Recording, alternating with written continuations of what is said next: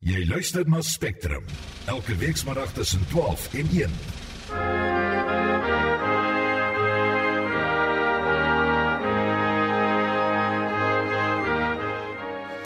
In vandag se program, president Cyril Ramaphosa spreek die nasie toe in Klerksdorp op Vryheidsdag. Access to healthcare has improved. Social grants support around 18 million poor and vulnerable people. This is what progress looks like. These are some of the fruits of our democracy. And yet, as every South African knows, we have still much more work to do. En die Springbok kaptein Sia Kolisi word môre vereer vir sy inspirerende leierskap en bydrae tot rugby. He's a beacon of hope for thousands of young boys and girls in our country. He's a living proof that it's about choice, not chance, that determines your destiny. Die span in die ateljee se redakteur Nicoline de Wee, die produksieregisseur Daitrin Godfrey en ek is Susan Paxton. Welkom by Spectrum.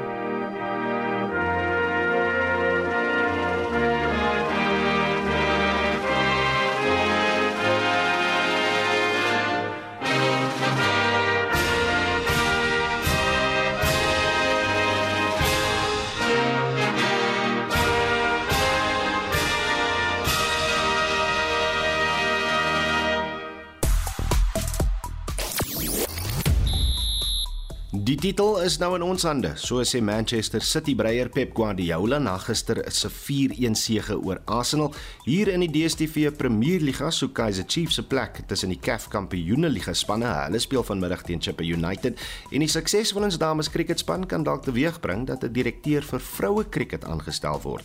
Ons is later terug met 'n volledige bulletin.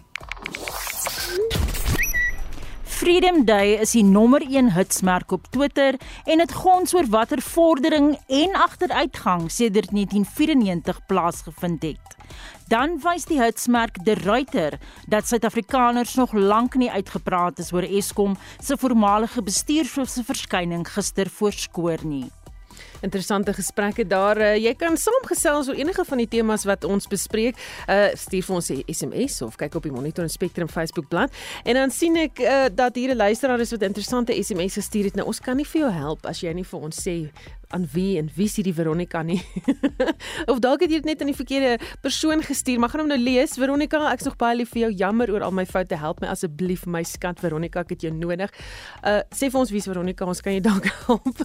die luisteraar, maar miskien, net miskien, ek vermoed dis wat gebeur het, is die SMS na die verkeerde nommer gestuur en Veronica dalk nie die boodskap kry nie. So as jy nou radio luister en dis jou boodskap asseblief, het hom dalk vir die verkeerde mense gestuur. Goed, ons wonder wat vryheid vir mense beteken in 'n tyd wanneer kospryse skerp styg voedselsekerheid dalk in die weegskaal is en 'n sukkelende ekonomie mense se vermoë om 'n beter heenkomme te vind nou aan bande lê. So wat dink jy? Geniet jy jou vryheid?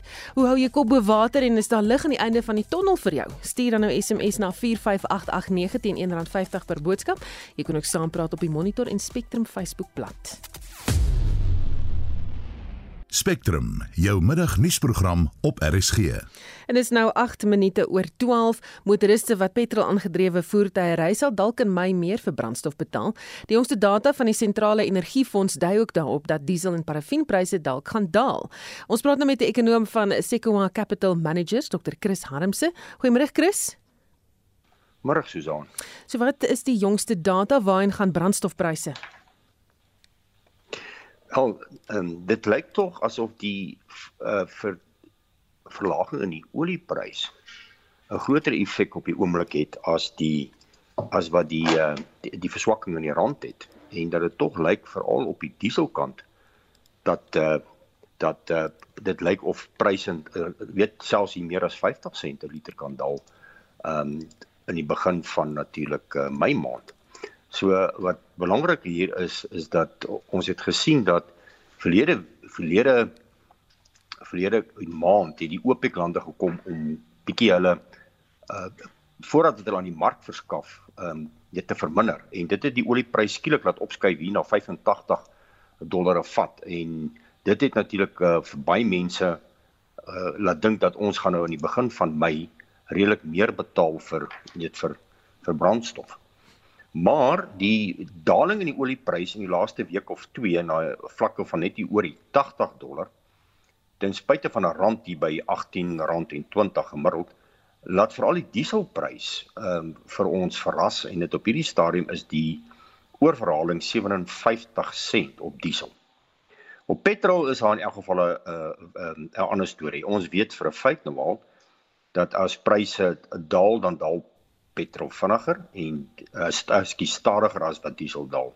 So op hierdie stadium gegee die raffineredery van die produk soos dit ons omkry petrol 93 en 95 gelande prys is ons op die petrol nog steeds 52 sent onder verhaal. So hier gaan 'n gemengde reaksie plaasvind volgende week waar die diesel persone 'n redelike verligting gaan kry maar die petrol ouens effens gaan inbetaal. Die ding wat wel 'n pla uh, Susan is die aankondiging van die president gister dat aanvanklik dat hy gesê het dat ons gaan onttrek uit die wêreldhof uit net om daarna weer dit terug te trek. Nou dit natuurlik is nie iets wat Marte van hou nie. Dis nie iets waarvan uh die wêreldleiers van hou nie.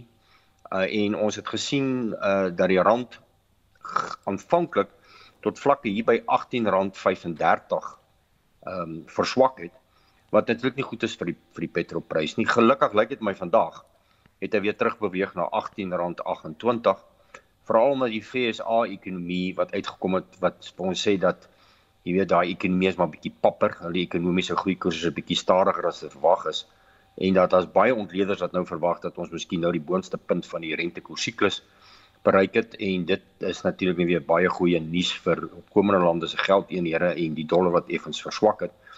So ons het kry hierdie volatiliteit op die oomblik in beide die rand en in die oliepryse. Ek sien olie verhandel vanoggend natuurlik ehm um, uh, nog laer op 78 dollar uh, wat ons meer gaan help. So ons moet kyk in die volgende week of twee baie volatiliteit, maar die goeie nuus is dat dit lyk vir my ons gaan diesel waarskynlik hier by 50 sent betaal aan die begin van Mei volgende week. Ons verwag seker die aankondiging hier oor die naweek. Hmm. Nou mense kla nie oor die dieselprys nie want uh, omdat diesel in meeste industrieë gebruik word, sal die daling byvoorbeeld voedselpryse stygings dalk bietjie vertraag nie waar nie.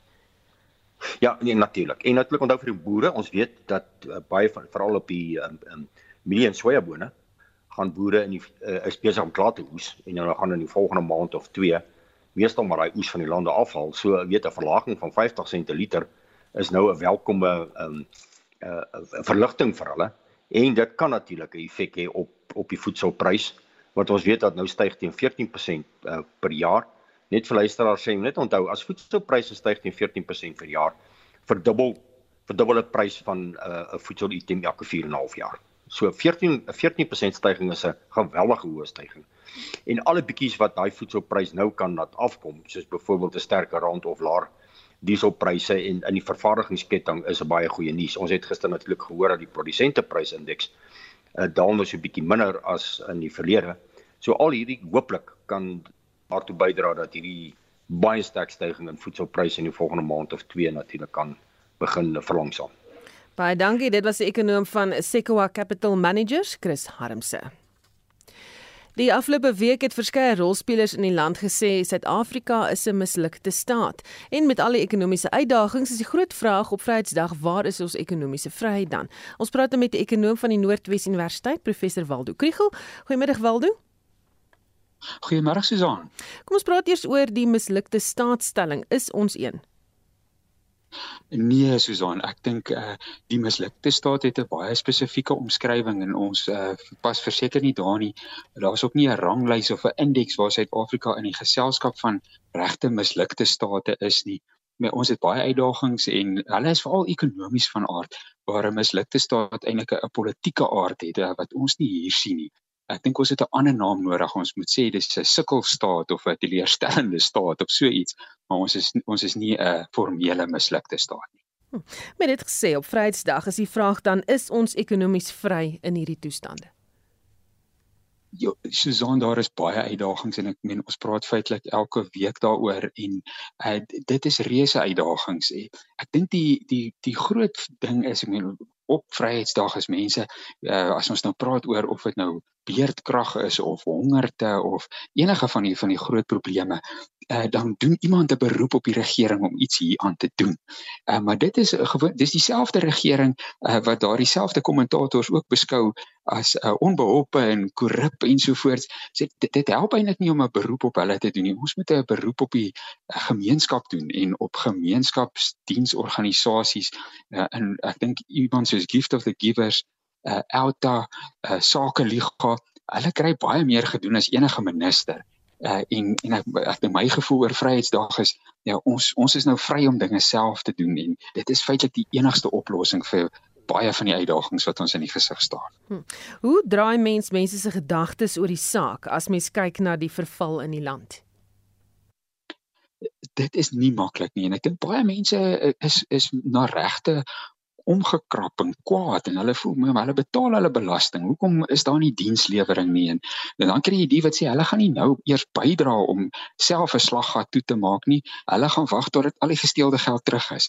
Ehm um, vandag jy baie lank wag. Ek ek dink uh of of dit nou kommentators is wat praat of uh gemeenskapsleiers is wat praat, is ons kan nie wag vir politici om hierdie situasie te verander nie.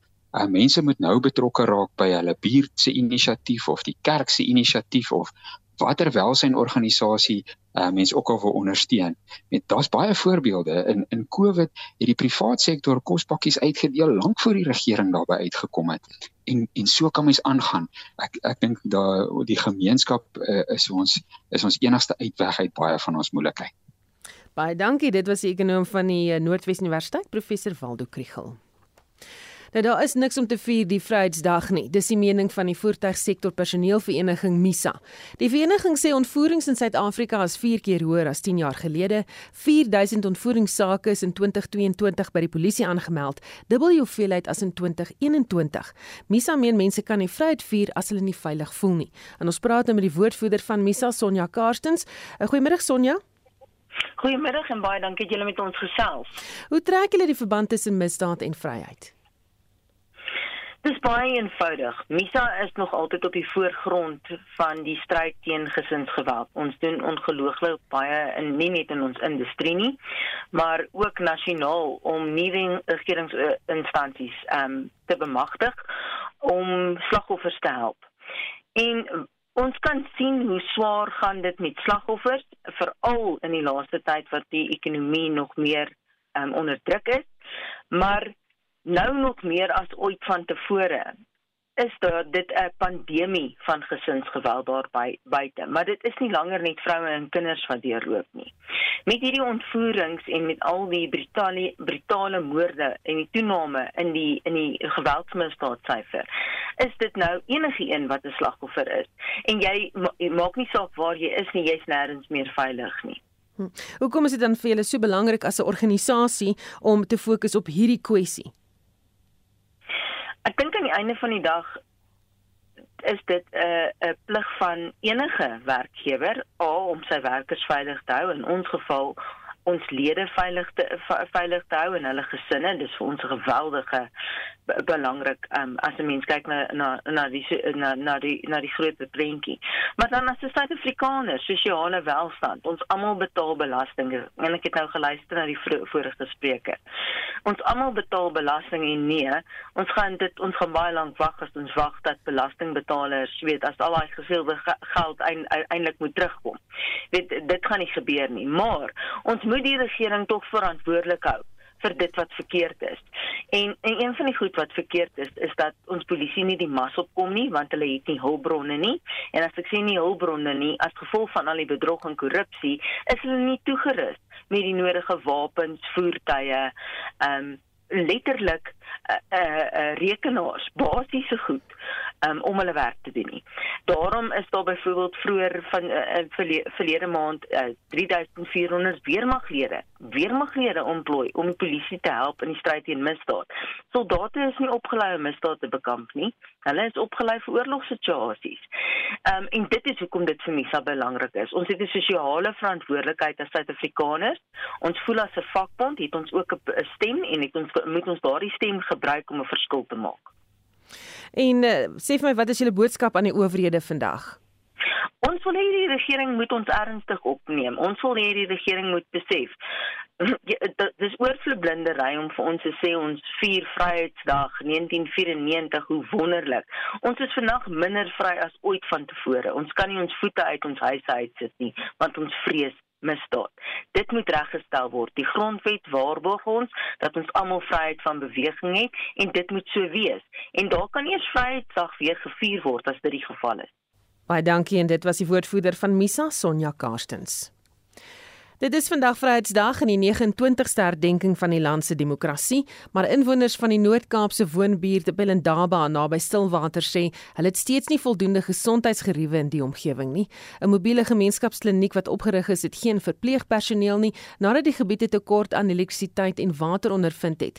Anne Marie Jansen van Vuren berig inwoners moet nou lang afstande na die naaste kliniek reis. Inwoners van Stillwater sê dat hulle lang afstande te voet na die Riverton Satellietkliniek moet aflê om mediese sorg te kry terwyl hulle siek is.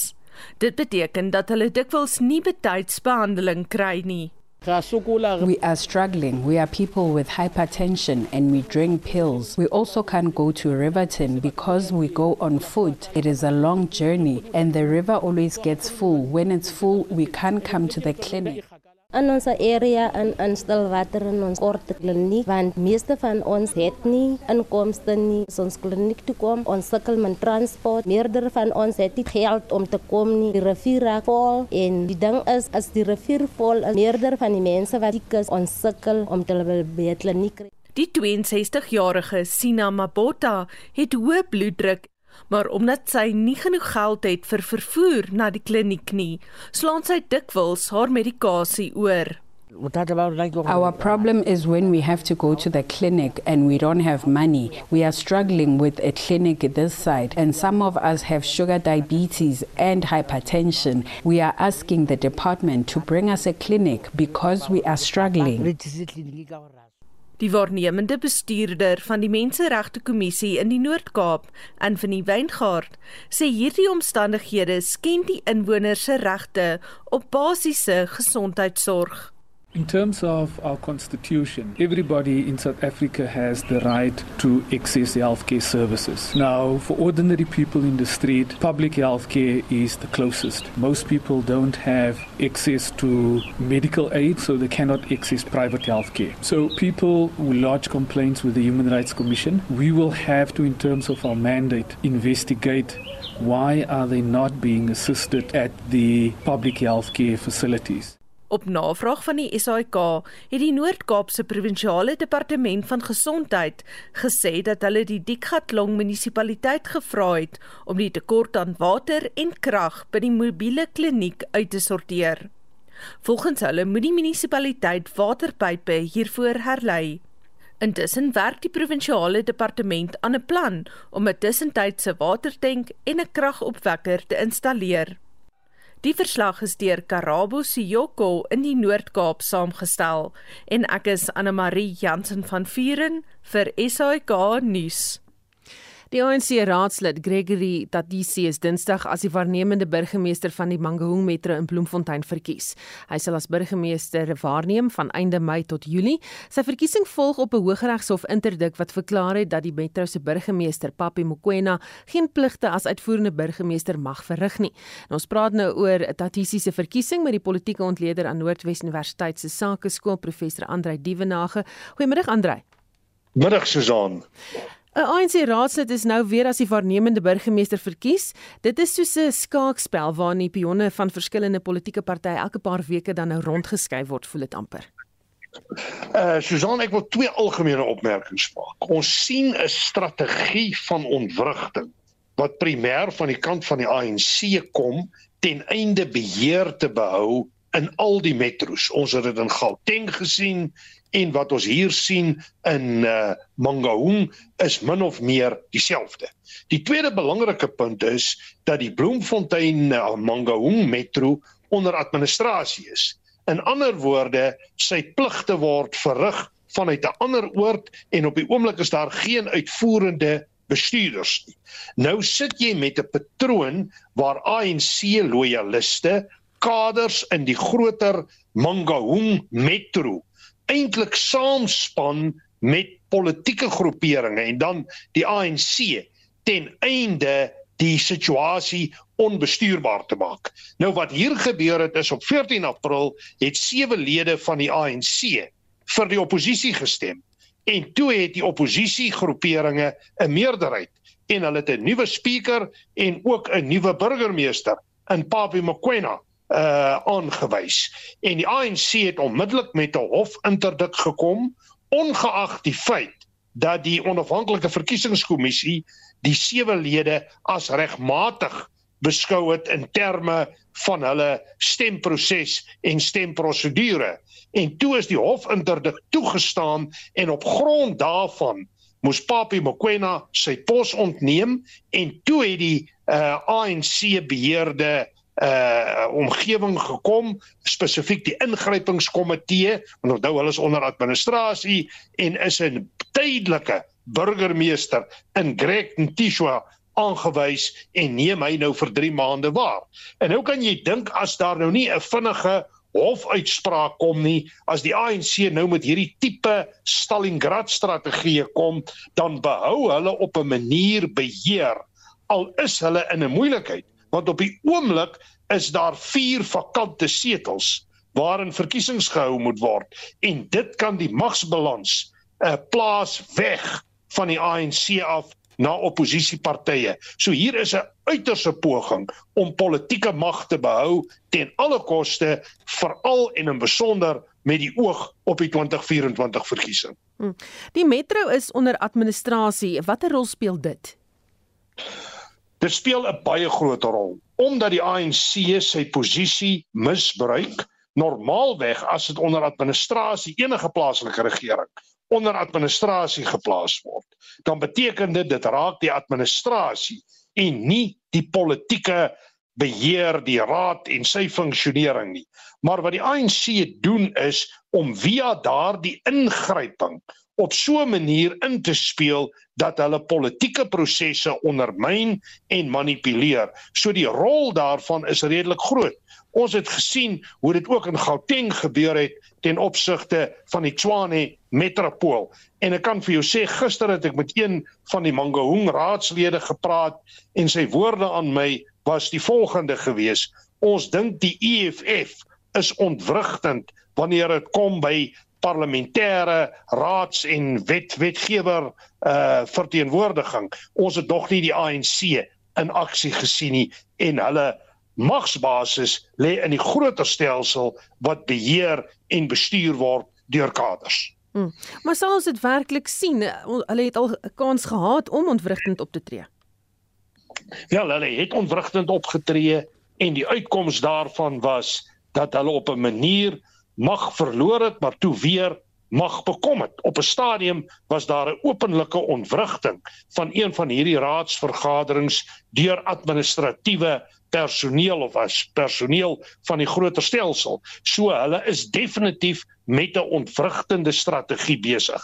En die boodskap wat ek uit Mangaung uitkry is dat die ANC in die fik sonder geld sit en dat hulle bekommerd is oor die 2024 verkiesing en daarom is beheer op die metros so kritiek belangrik ten einde bronne te kan ontsluit om hulle te help met die verkiesingsveldtog.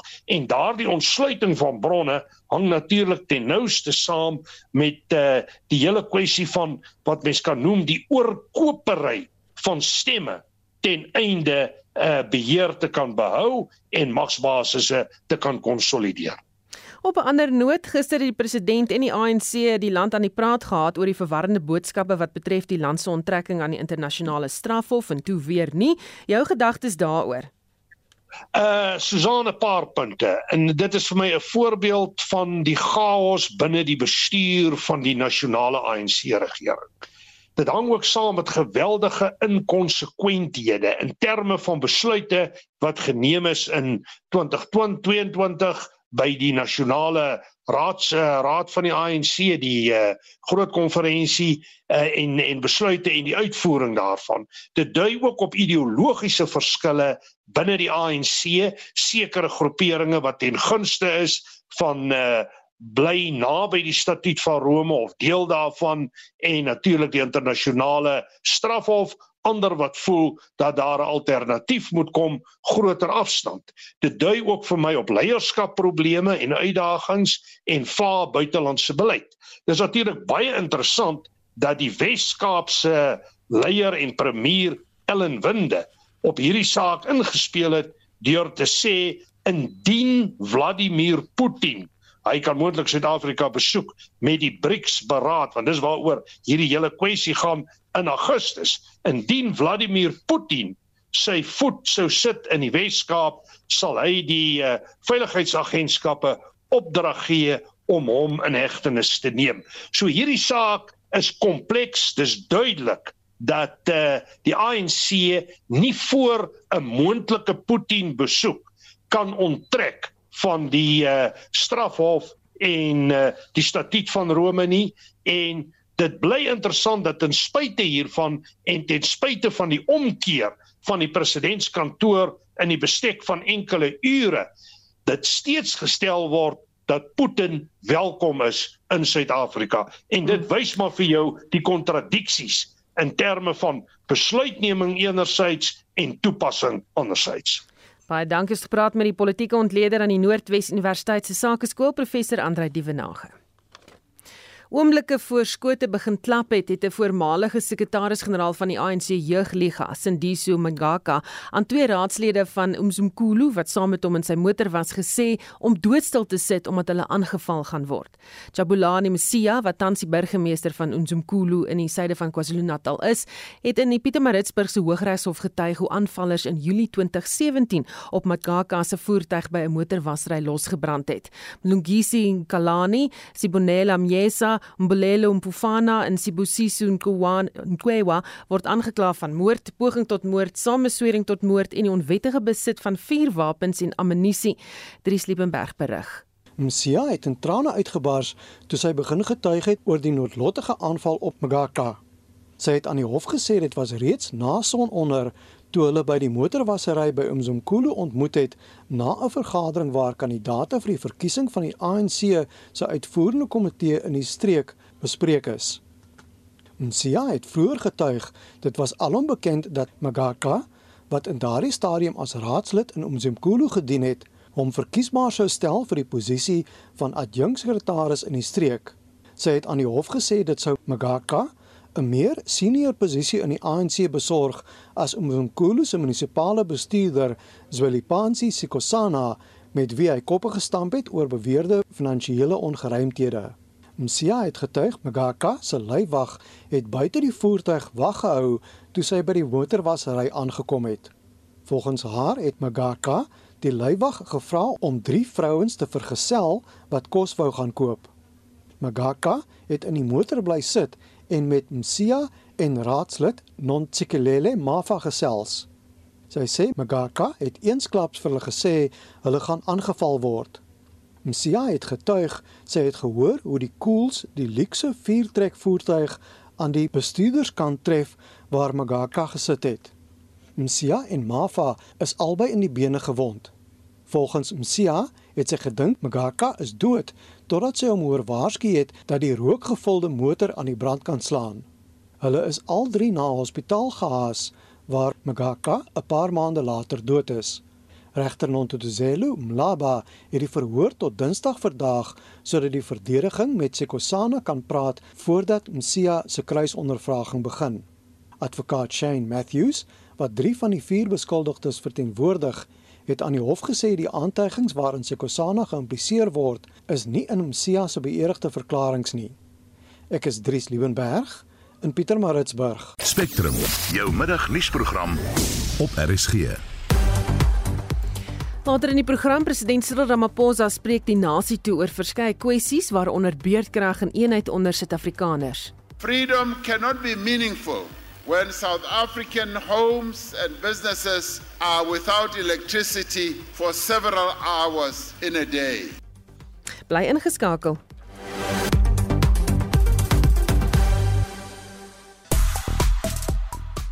So ons gesels oor Vryheidsdag en eh, Ben Heiser wat sê dit gaan maar moeilik om die einde van Vryheidsdag te vier en dan sê nog 'n luisteraar na aanleiding van al die gesprekke wat ons gehad het oor Veiligheidsdag en die ekonomie en so, ag eerder Vryheidsdag, dan moet die regering uit die pad uit, sê hierdie luisteraar. En nog iemand op uh, Monitor Spectrum wat sê Leonie Kellerman wat sê ons is vreeslik vry ja met 68 moorde per dag, wat 'n grap.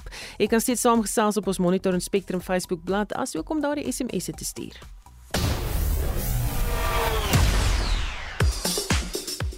En ons praat nou met Oudo Karelse oor die jongste sportnuus. Goeiemiddag Oudo. Middag Susan. Ons begin by die Engelse Premier Liga waar gisteraand se 4-1 oorwinning deur Manchester City beteken dat Arsenal slegs 2 punte bo die blou span sit. Ja, en om dinge erger te maak vir Arsenal City het boonop 2 minder wedstryde gespeel as Arsenal. Nou gisteraand se sege was briljant. Kevin De Bruyne het uh, toegeslaan met 2 doele, John Stones met 1 en die speler van die seisoen tot dusver Erling Haaland, hy het sy 33ste doel aangeteken wat 'n nuwe rekord is vir doele in 'n enkele seisoen wat 38 wedstryde behels. Hy kan ook nog die rekord verpletter vir algehele doele in 'n in 'n seisoen wat deur Andy Cole en Alan Shearer gedeel word. Die rekord staan op 34 doele. In ander uitslae het Chelsea sy 5de agtereenvolgende nederlaag ervaar ervaar sedert die uh, terugkeer van afrigter Frank Lampard. Brentford het uh, hulle 2-0 geklop. Liverpool het met 2-1 gewen teen West Ham en Nottingham Forest was 3-1 wenners teen Brighton. Vandag speel Southampton teen Bournemouth, Everton tuis teen Newcastle, dis omstreeks kwart voor 9. Uh vandag so grootte. Manchester United is in Londen om teen uh, Tottenham Hotspur te speel en die laasgenoemde het natuurlik hierdie na hierdie week hulle afrigter Cristiano Stellini die trekpas gegee. In die DStv Premier Liga het Kaizer Chiefs 'n kans om 'n relatief power seisoen te omskep in 'n plek in Afrika se topklub kompetisie. Ja, Chiefs speel vanmiddag 3 uur in die Ooskaap teen Chippa United. Die Amakosi se tans in 4de plek op 41 punte. Orlando Pirates sit bo hulle in 3de plek op 46 punte en SuperSport United in 2de plek op 47 punte met so gemiddeld 3 wedstryde oor vir die spanne. Niemand gaan die vroegbekroonde kampioene Sundowns inhaal nie, maar die top 2 spanne kwalifiseer vir die CAF Kampioeneliga en die span wat derde eindig kwalifiseer dan vir die CAF Konfederasies beker. So daar is nog baie baie om voor te speel. Uh die span heel laaste op die punt te leer in die DStv Premier Liga, dis nou Maritzburg. Hulle speel ook teen Swallows vanaand, dis 5 uur en 'n wen vir uh, die KZN span kan verseker dat Swallows ook betrek word in die stryd om relegasie te vermy. Baie dankie, dit was uh o nee, wag, is nog so een vragie vir jou. Ek wil nou weet of jy vir cricket nuus het. Ja, net net baie baie van Sri Lanka het 'n uh, amok gesaai teen Ierland op dag 4 van hulle toets in goal. Ierland was almal uit soos aan vir 492 lopies. Sri Lanka se repliek 704 vir 3. Dis nou verklaar danksy dubbel 100 talle deur Nishan Madushka van 205 Kusal Mendes uit vir 245 en daar was ook 100 talle deur eh, die kaptein Dimuth Karunaratne en Angelo Matthews en dit is slegs die 4de keer in toets cricket dat die top 4 kolwers in 'n beurt almal meer as 100 aangeteken. Sri Lanka loop dus voor met 212 lopies. Ehm um, Nieu-Seeland Pakistan, hulle het nou net begin in hulle eendag wedstryd in Rawalpindi. Nieu-Seeland het net begin golf en uh, nog steeds geen lopies daar aangeteken nie. En vandag in die IPL speel die Rajasthan Royals 4 uur vanmiddag teen die Chennai Super Kings. Baie dankie, dit was Oudo Karelse met die sporthoogtepunte. Jy luister na Spectrum. Op RSG. Die Eerglas is besig om leeg te loop vir die ANC in die Wes-Kaap om sy provinsiale verkiesingskonferensie te hou. Die ANC se leier in die Wes-Kaap se wetgewer, Cameron Dugmore, het egter aan Annelien Moses gesê die party gaan nie einde van die maand se spertyd haal nie, maar dat genoeg algemene takvergaderings gehou is om uiteindelik 'n verkiesingskonferensie te kan hou. Daar was 'n vergadering van die nasionale uitvoerende komitee waar die kwessie van die Wes-Kaapse konferensie bespreek was. Ons gaan terugvoering kry as die interim komitee in die Wes-Kaap oor die datum. Dit is heeltemal onwaarskynlik dat dit voor die einde April plaasvind, maar ons is baie hoopvol dat die konferensie in Mei maand, maar ek is versigtig om 'n datum te gee want ons moet nog amptelike terugvoering kry van daai vergadering. Dan verneem ek daar's 'n aantal tegniese probleme wat julle met die aanlyn lidmaatskapstelsel ondervind. Kan jy bietjie daaroor vir ons uitwy? Daar is 260 takke in die Weskaap en elkeen van daai takke moet 'n vergadering bereël wanneer die lede by die vergadering opdaag, is daar 'n proses, 'n sogenaamde scanning proses waar die IDs van elke lid gescan moet word sodat ons kan seker maak dat die mense teenwoordig was by die meeting. En partykeer die kode wat gestuur word om die scanning proses te laat werk daar is hier en daar tegniese probleme. 'n probleem is dat daar moet 50% plus 1 van die lede wees. So byvoorbeeld as daar 200 lede van 'n sekere tak in Khayelitsha is of in George, dan moet ten minste 101 mense in die meeting wees. Al hulle IDs moet gescan word en so aan.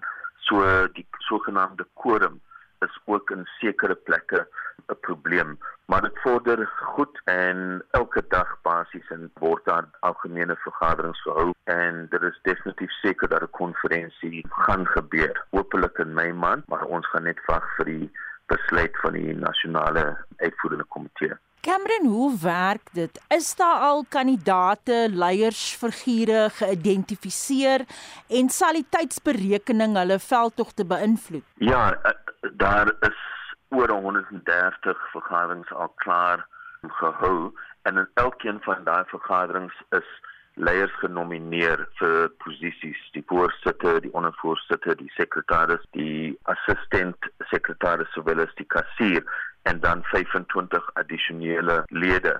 Maar wat gebeur is dat daai vorms wat dan uh, geteken word deur die takleierskap, dit word dan in 'n boks toegesluit by elke streek en wanneer 'n streek klaar is met hulle prosesse word dit gestuur na die provinsie.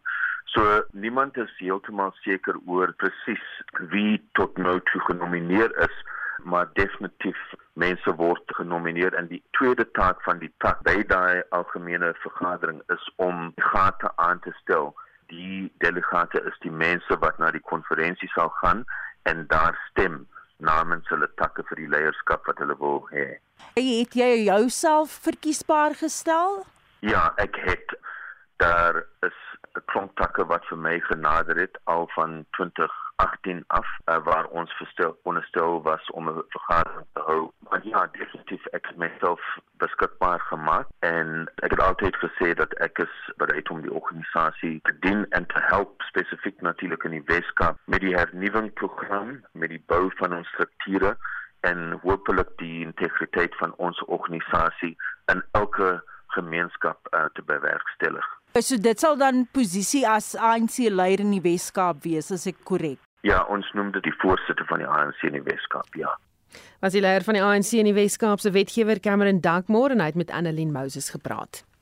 Alliansie Vennote van die DA in Johannesburg Metro het die party skerp gekritiseer omdat hulle glo nie geraadpleeg is voor die DA vir Mpopalatse as 'n kandidaat vir die burgemeesterspos voorgestel het nie.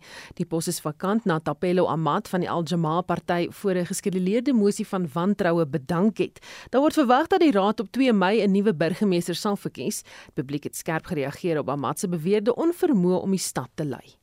People are sick and tired of the instability. What's best? Is it best to return a government that was trying to rebuild and repair the city and was ousted for nefarious reasons? We will continue to reach out to like minded parties who are interested in unseating the ANC and rebuilding our country. The biggest impact I believe we made was just the headway we made on offsetting load shedding. We actually announced a 401 million Rand plan to offset three stages of load shedding. Now, for a city like Johannesburg, the economic hub of the country, to be without power is a nightmare. Die voorsitter van die DA se Gautengse provinsiale raad, Fred Nel. Die DA het vir Dr. Mpopelatsi genomineer as ons burgemeesterskandidaat vir Johannesburg.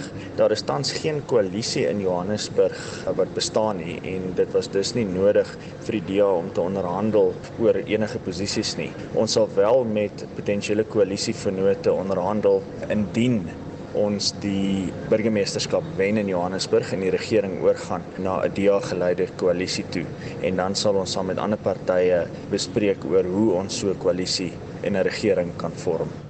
'n Gesprek wat in hierdie stadium na 'n moeilike saak lyk. Die Patriotiese Alliansie, PA, sê hulle wil saam met die DA werk. Maar die DA sê hulle stel nie belang nie, want die PA het hulle in die verlede verraai.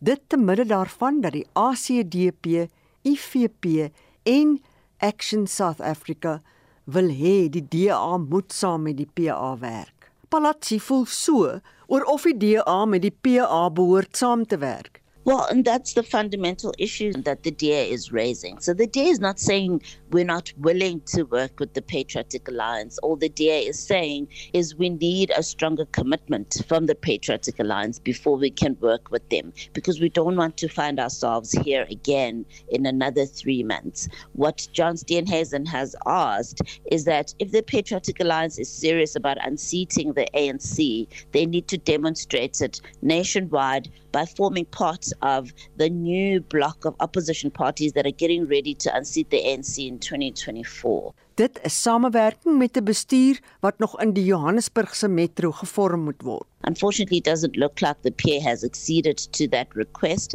and that's where we are now. It looks like we've deadlocked. Maar beteken dit dat die DA bereid is om saam met die PA te werk as hulle afsien van die samewerking met die ANC in koalisies op ander plekke? That's the DA's request, yes. You saw the letter that John Steenhuisen wrote to Herman Mashaba detailing exactly what the conditions will be. And it's really about investing in stability because the DA doesn't want a situation where the PA is with us today and three months down the line they have a better offer from the ANC and they jump ship again. Die Patriotic Alliance was nog altyd openlik dat hulle gaan waar hulle die beste aanbod kry. Die DA se jongste voorwaarde sluit die PA stemme uit om wel vir hulle kandidaat te stem. Well, I understand where the DA is coming from. There's great uncertainty. Even within our own Joburg caucus of the Democratic Alliance, there's great uncertainty as to whether or not we should go back into government without a degree of certainty as to the stability of that government and whether or not we'll be able to deliver on our promise. Do we want to go into government for the sake of going into government without the guarantee that we're not going to be unseated again a month later? And that's where we are at the moment. It's a difficult place to be. I really feel we're between a rock and a hard place. And I hope that between now and the second, some sense can prevail. Mpo Palazzi is die DA se kandidaat vir die posisie van burgemeester wat op 2 Mei verkies word. Mitsi van der Merwe, SAK nuus. President Cyril Ramaphosa het vandag in die oorwegende bruin en indeer woongebiede van Alabama en Mansell Park in Klerksdorp in Noordwes vir Vryheidsdagvieringe. Van jaar se tema is onder meer die beskerming van die vordering wat gemaak is sedert die demokrasie bestel 29 jaar gelede tot stand gekom het of die demokratiese bestel eerder. Annelien Moses doen verslag. Annelien Ja, ondanks die besoek van die eerste landsburger, het inwoners ritsklagtes oor 'n oor onder meer 'n gebrek aan dienslewering. Hulle is ook van mening dat daar teen hulle gediskrimineer word en wys daarop dat slaggate ewe skielik reggemaak is omdat die president die gebied aandoen. Dit is wat van die inwoners gesê het in afwagting op Ramaphosa se besoek. Rubbish, electricity, and water. But water is becoming a big thing now. As you can see here, the illegal dumping site, dead dogs, smelly, it drains everything. We are really getting poor services.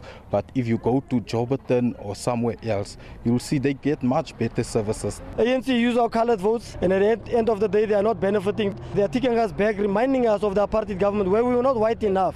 Now we are, we are experiencing seeing the same thing. It's a reverse apartheid where we are not black enough. Ramaphosa het egter Suid-Afrikaners gepaai en eenheid onder landsburgers bepleit. We also acknowledge that so much of the promise of 1994 still needs to be realized. It is on this occasion that we rededicate ourselves to work with greater purpose and determination. We work with greater unity to give full effect to the meaning of freedom in our land. Hy het beklemtoon dat groot vordering gemaak is in onder meer die onderwys wat nie voor 1994 die geval was nie. Every day 9 million learners receive a meal at school. This never was the case before 1994. Last year, just over 900,000 young people sat for matric, and more than 80% of them passed. And more and more of the learners are achieving bachelor passes, and they are largely from no fee schools. The schools that did not have facilities that were relegated to the back under Bantu education. Dan het Ramaphosa ook beerdkrag betreur en sê intussen word aansienlike beleggings in volhoubare energiebronne gemaak. Freedom cannot be meaningful when South African homes and businesses are without electricity for several hours in a day. That is why we are using every means at our disposal to restore ESCOM's power stations and to build new generation capacity as a matter of greatest urgency. Dit was president Cyril Ramaphosa by Vryheidsdagvieringe in Klerksdorp in Noordwes. Ek is Annelien Moses vir SAK nuus. NASA se Mars rover Perseverance het sy troetelklip verloor. Die groterige klip het sowat 'n jaar gelede in sy wiel vasgesit en reis sedertdien saam al om die planeet. Dit het egter nou uitgeval. Pieter Kotse, buitengewone professor aan Noordwes Universiteit se sentrum vir ruimtenavorsing, is nou op die lyn om daaroor te praat. Goeiemôre Pieter. Hallo, goeiemôre Susan. Perseverance is ontwerp om op moeilike terrein te kan ry. Sou so 'n klip enige skade kan aandoen as dit nie, jy weet, so af as dit so in sy wiel vassit? Ek ek moet in geval sê ek dink nie daar sou enige skade gewees het nie want ek dink wat op die oomblik gebeur het of by die ontwerp van Perseverance het hulle geleer uit die foute uit van uh, Curiosity 'n uh, verkenningstuig wat al 'n hele klomp jare op uh, Mars rond uh, beweeg en het hulle die wiele herontwerp byvoorbeeld die wiele baie 'n bietjie nouer gemaak maar baie belangrik hulle het dit ook 'n groter uh, deursnit gegee sodat dit oor groter rotse kon klim maar dit ook die aluminium waar die wiele bestaan uit uh, aansienlik uh, dikker gemaak. So die waar is uit die verlede uit foute geleer want Curiosity het om dit so te stel bandskade opgedoen uh, tydens sy uh, rondritte daar in 'n omtrent 'n paar duisend kilometer weg van Perseverance. So die kans is redelik skraal dat daar nou weer so 'n probleem sou opduik. So Perseverance het hierdie uh, voorval baie maklik oorleef want ek verstaan daar is 'n uh, totaal van ongeveer 10 km wat hierdie klip uh, amper sê 'n saamry geleentheid gehad het uh, saam met uh, Perseverance binne sy die Jezero krater waar dit uh, op die oomblik besig is om rond te beweeg. Mense verwag dat NASA streng en ernstig sal wees met so 'n dier toestel nogals op 'n ander planeet, maar dit lyk egter asof hulle baie pret gehad het met die feit dat Perseverance toe nou vir 'n troetelklip gekry het. Ja, nogal inderdaad. My eie persoonlike ervaring natuurlik met wetenskaplikes reg oor die wêreld wat strek oor verskeie kulture en van landsgrense omtrent van alle lande, is daar een goue draad wat tussen hierdie wetenskaplikes duidelik te bespeer is en dit is natuurlik hulle sin vir humor. So dit verskil natuurlik van land tot land, maar die definitief staan dat mens kan nogal van uit baie ernstige situasies voor daar die komiese sy daarvan baie maklik raak gesien. So ek is glad nie verbaas dat NASA 'n bietjie op die Amerikaners in elk geval 'n bietjie gek geskeer het en 'n bietjie die die ligte kant van die saak ingesien het nie. En net Perseverance sal enige noemenswaardige ontdekkings gemaak sedert hy in 2020 eh, na Mars gestuur is. Ja, inderdaad, ek kan nogal meld dat binne die eerste 6 maande nadat uh, Perseverance in hierdie krater uh, uh op sy begin het om ondersoeke te doen het hulle uitgevind uh dat die uh, bedding op die grond bestaan uit lava uit en dit was heeltemal teenstrydig met die vorige opvattinge of waarnemings wat hulle gedoen het. Hulle het gedink dat dit heel waarskynlik nou net sal sandsteen en rots uh of modderformasie sou wees wat natuurlik ontstaan het uit die groot meer wat daar teenwoordig was etlike biljoene jare gelede. Maar tot hulle verbasing is ontdek dat daar natuurlik dat uh, daar lava was en vulkaniese aktiwiteite binne in hierdie Jezero uh, krater wat totaal en al teenstrydig was met vorige opvattinge. Asa. En mm, is ongelukkig okay, alwaar ja, vir ons uh, tyd het ek gaan jou moed daar in hierdie val. Dit klink baie interessant. Ons gaan definitief weer met jou gesels daaroor. Dit was 'n uh, uh, Pieter Kotse buitengewone professor aan Noordwes Universiteit se sentrum vir ruimtenavorsing. Die Springbok kaptein Sia Kolisi wat in 2019 die Wêreldbeker rugby toernooi gewen het, ontvang môre die orde van Ikamanga aan goud vir sy inspirerende leierskap en bydrae tot rugby. Saru sê die bokkaptein bly 'n baken van hoop vir jong spelers vanuit arme gebiede of armer gebiede. Die orde van Ikamanga word aan individue toegeken wat tot die bevordering van demokrasie in die land bygedra het. Winsie Mofokeng doen verslag. Sia Kolisi is 'n huishoudelike naam. Hy is ook 'n held in sy tuisdorp Zwide waar hy in Omthembu straat groot geword het. Sy lewensverhaal is ook vasgevang in die onlangs vrygestelde rolprent Rise. Sy skoolloopbaan het by die laerskool Msengeni in Zwide begin. Toe trek hy met 'n beurs na die rugbyvesting van Hoërskool Grey. Hierdie vormende jare het die grondslag gelê om die rugby-ikoon en sosiale leier te word wat hy vandag is. SARU president Mark Alexander sê Kolisi bied steeds hoop aan jong rugbyspelers in Suid-Afrika. As an organization, we are very proud of our captain Sia and his achievements in rugby. He's a beacon of hope for thousands of young boys and girls in our country. He's a living proof that it's about choice, not chance, that determines your destiny. Congratulations, Captain. Grey Hoërskool se direkteur van rugby, Neil Bilbey, het president Ramaphosa geprys omdat hy Kolisi vereer het. We've certainly been so proud of everything that Sia has achieved over the years. Um, he matriculated here in 2009. I've been fortunate enough here to be here 20 years and I saw him arrive in grade 8 and grow up to be a top class rugby player, playing SA schools for two years, etc. And obviously his achievements in more recent times, like captain the Springbok winning World Cup team. What a fantastic achievement, and we're certainly very proud of those achievements. And now the award that he'll be getting from the president, that's just the cherry on the top. Leerlinge van Msengeni Laerskool kyk steeds op na sy bekendste oudstudent. Kolisi gee ook terug aan die skool. Die adjunkhoof, Nosipo Phyllis, sê Kolisi is 'n besonderse mens. Feel very proud, especially our kids are very motivated when they see Sia. Sia is coming from the township. Now, when they see Sia, his achievement, all of them, they want to be Sia. We are very proud of Sia and it's motivating our kids.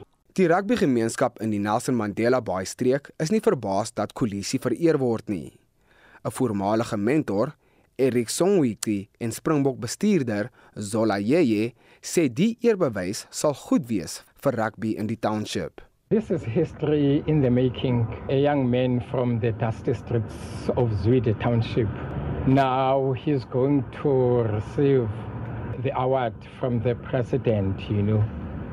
That is good work, you know. At least to be recognized by his own country first. For him to get that accolade is huge and it's gratifying to all of us. You know, it's so important when your own people, the very own people from your own background, they acknowledge you. You know, they appreciate you. They say the scarcest resource is appreciation. You know, if you appreciate it by your own country, by your own people, it's, it's quite pleasing. Kolisi het verlede week sy laaste wedstryd vir die Sharks teen Munster gespeel. Hy sal nou by die Franse klub Racing 92 aansluit. Die verslag van Zolani Moya in Gebega in die Oos-Kaap. Ek is Vincent Mufokeng vir SAIK nuus. Onthou vorige uitsendings van al ons nuusaktualiteitsprogramme is as 'n uh, potgooi op rsc.co.za beskikbaar. Gaan soek dit net daar en onthou en skakel in vir brandpunt omstreeks kwart voor 6 vanaand vir 'n samevatting van die dag se nuusgebeure, asook monitor tussen 6 en 7 môreoggend. Ons het namens ons uitvoerende regisseur en vandag se redakteur Nicoline de Wee. Die produksieregisseur is Daitrin Godfrey en my naam is Susan Paxton. Geniet jou middag, geniet die res van Vrydag.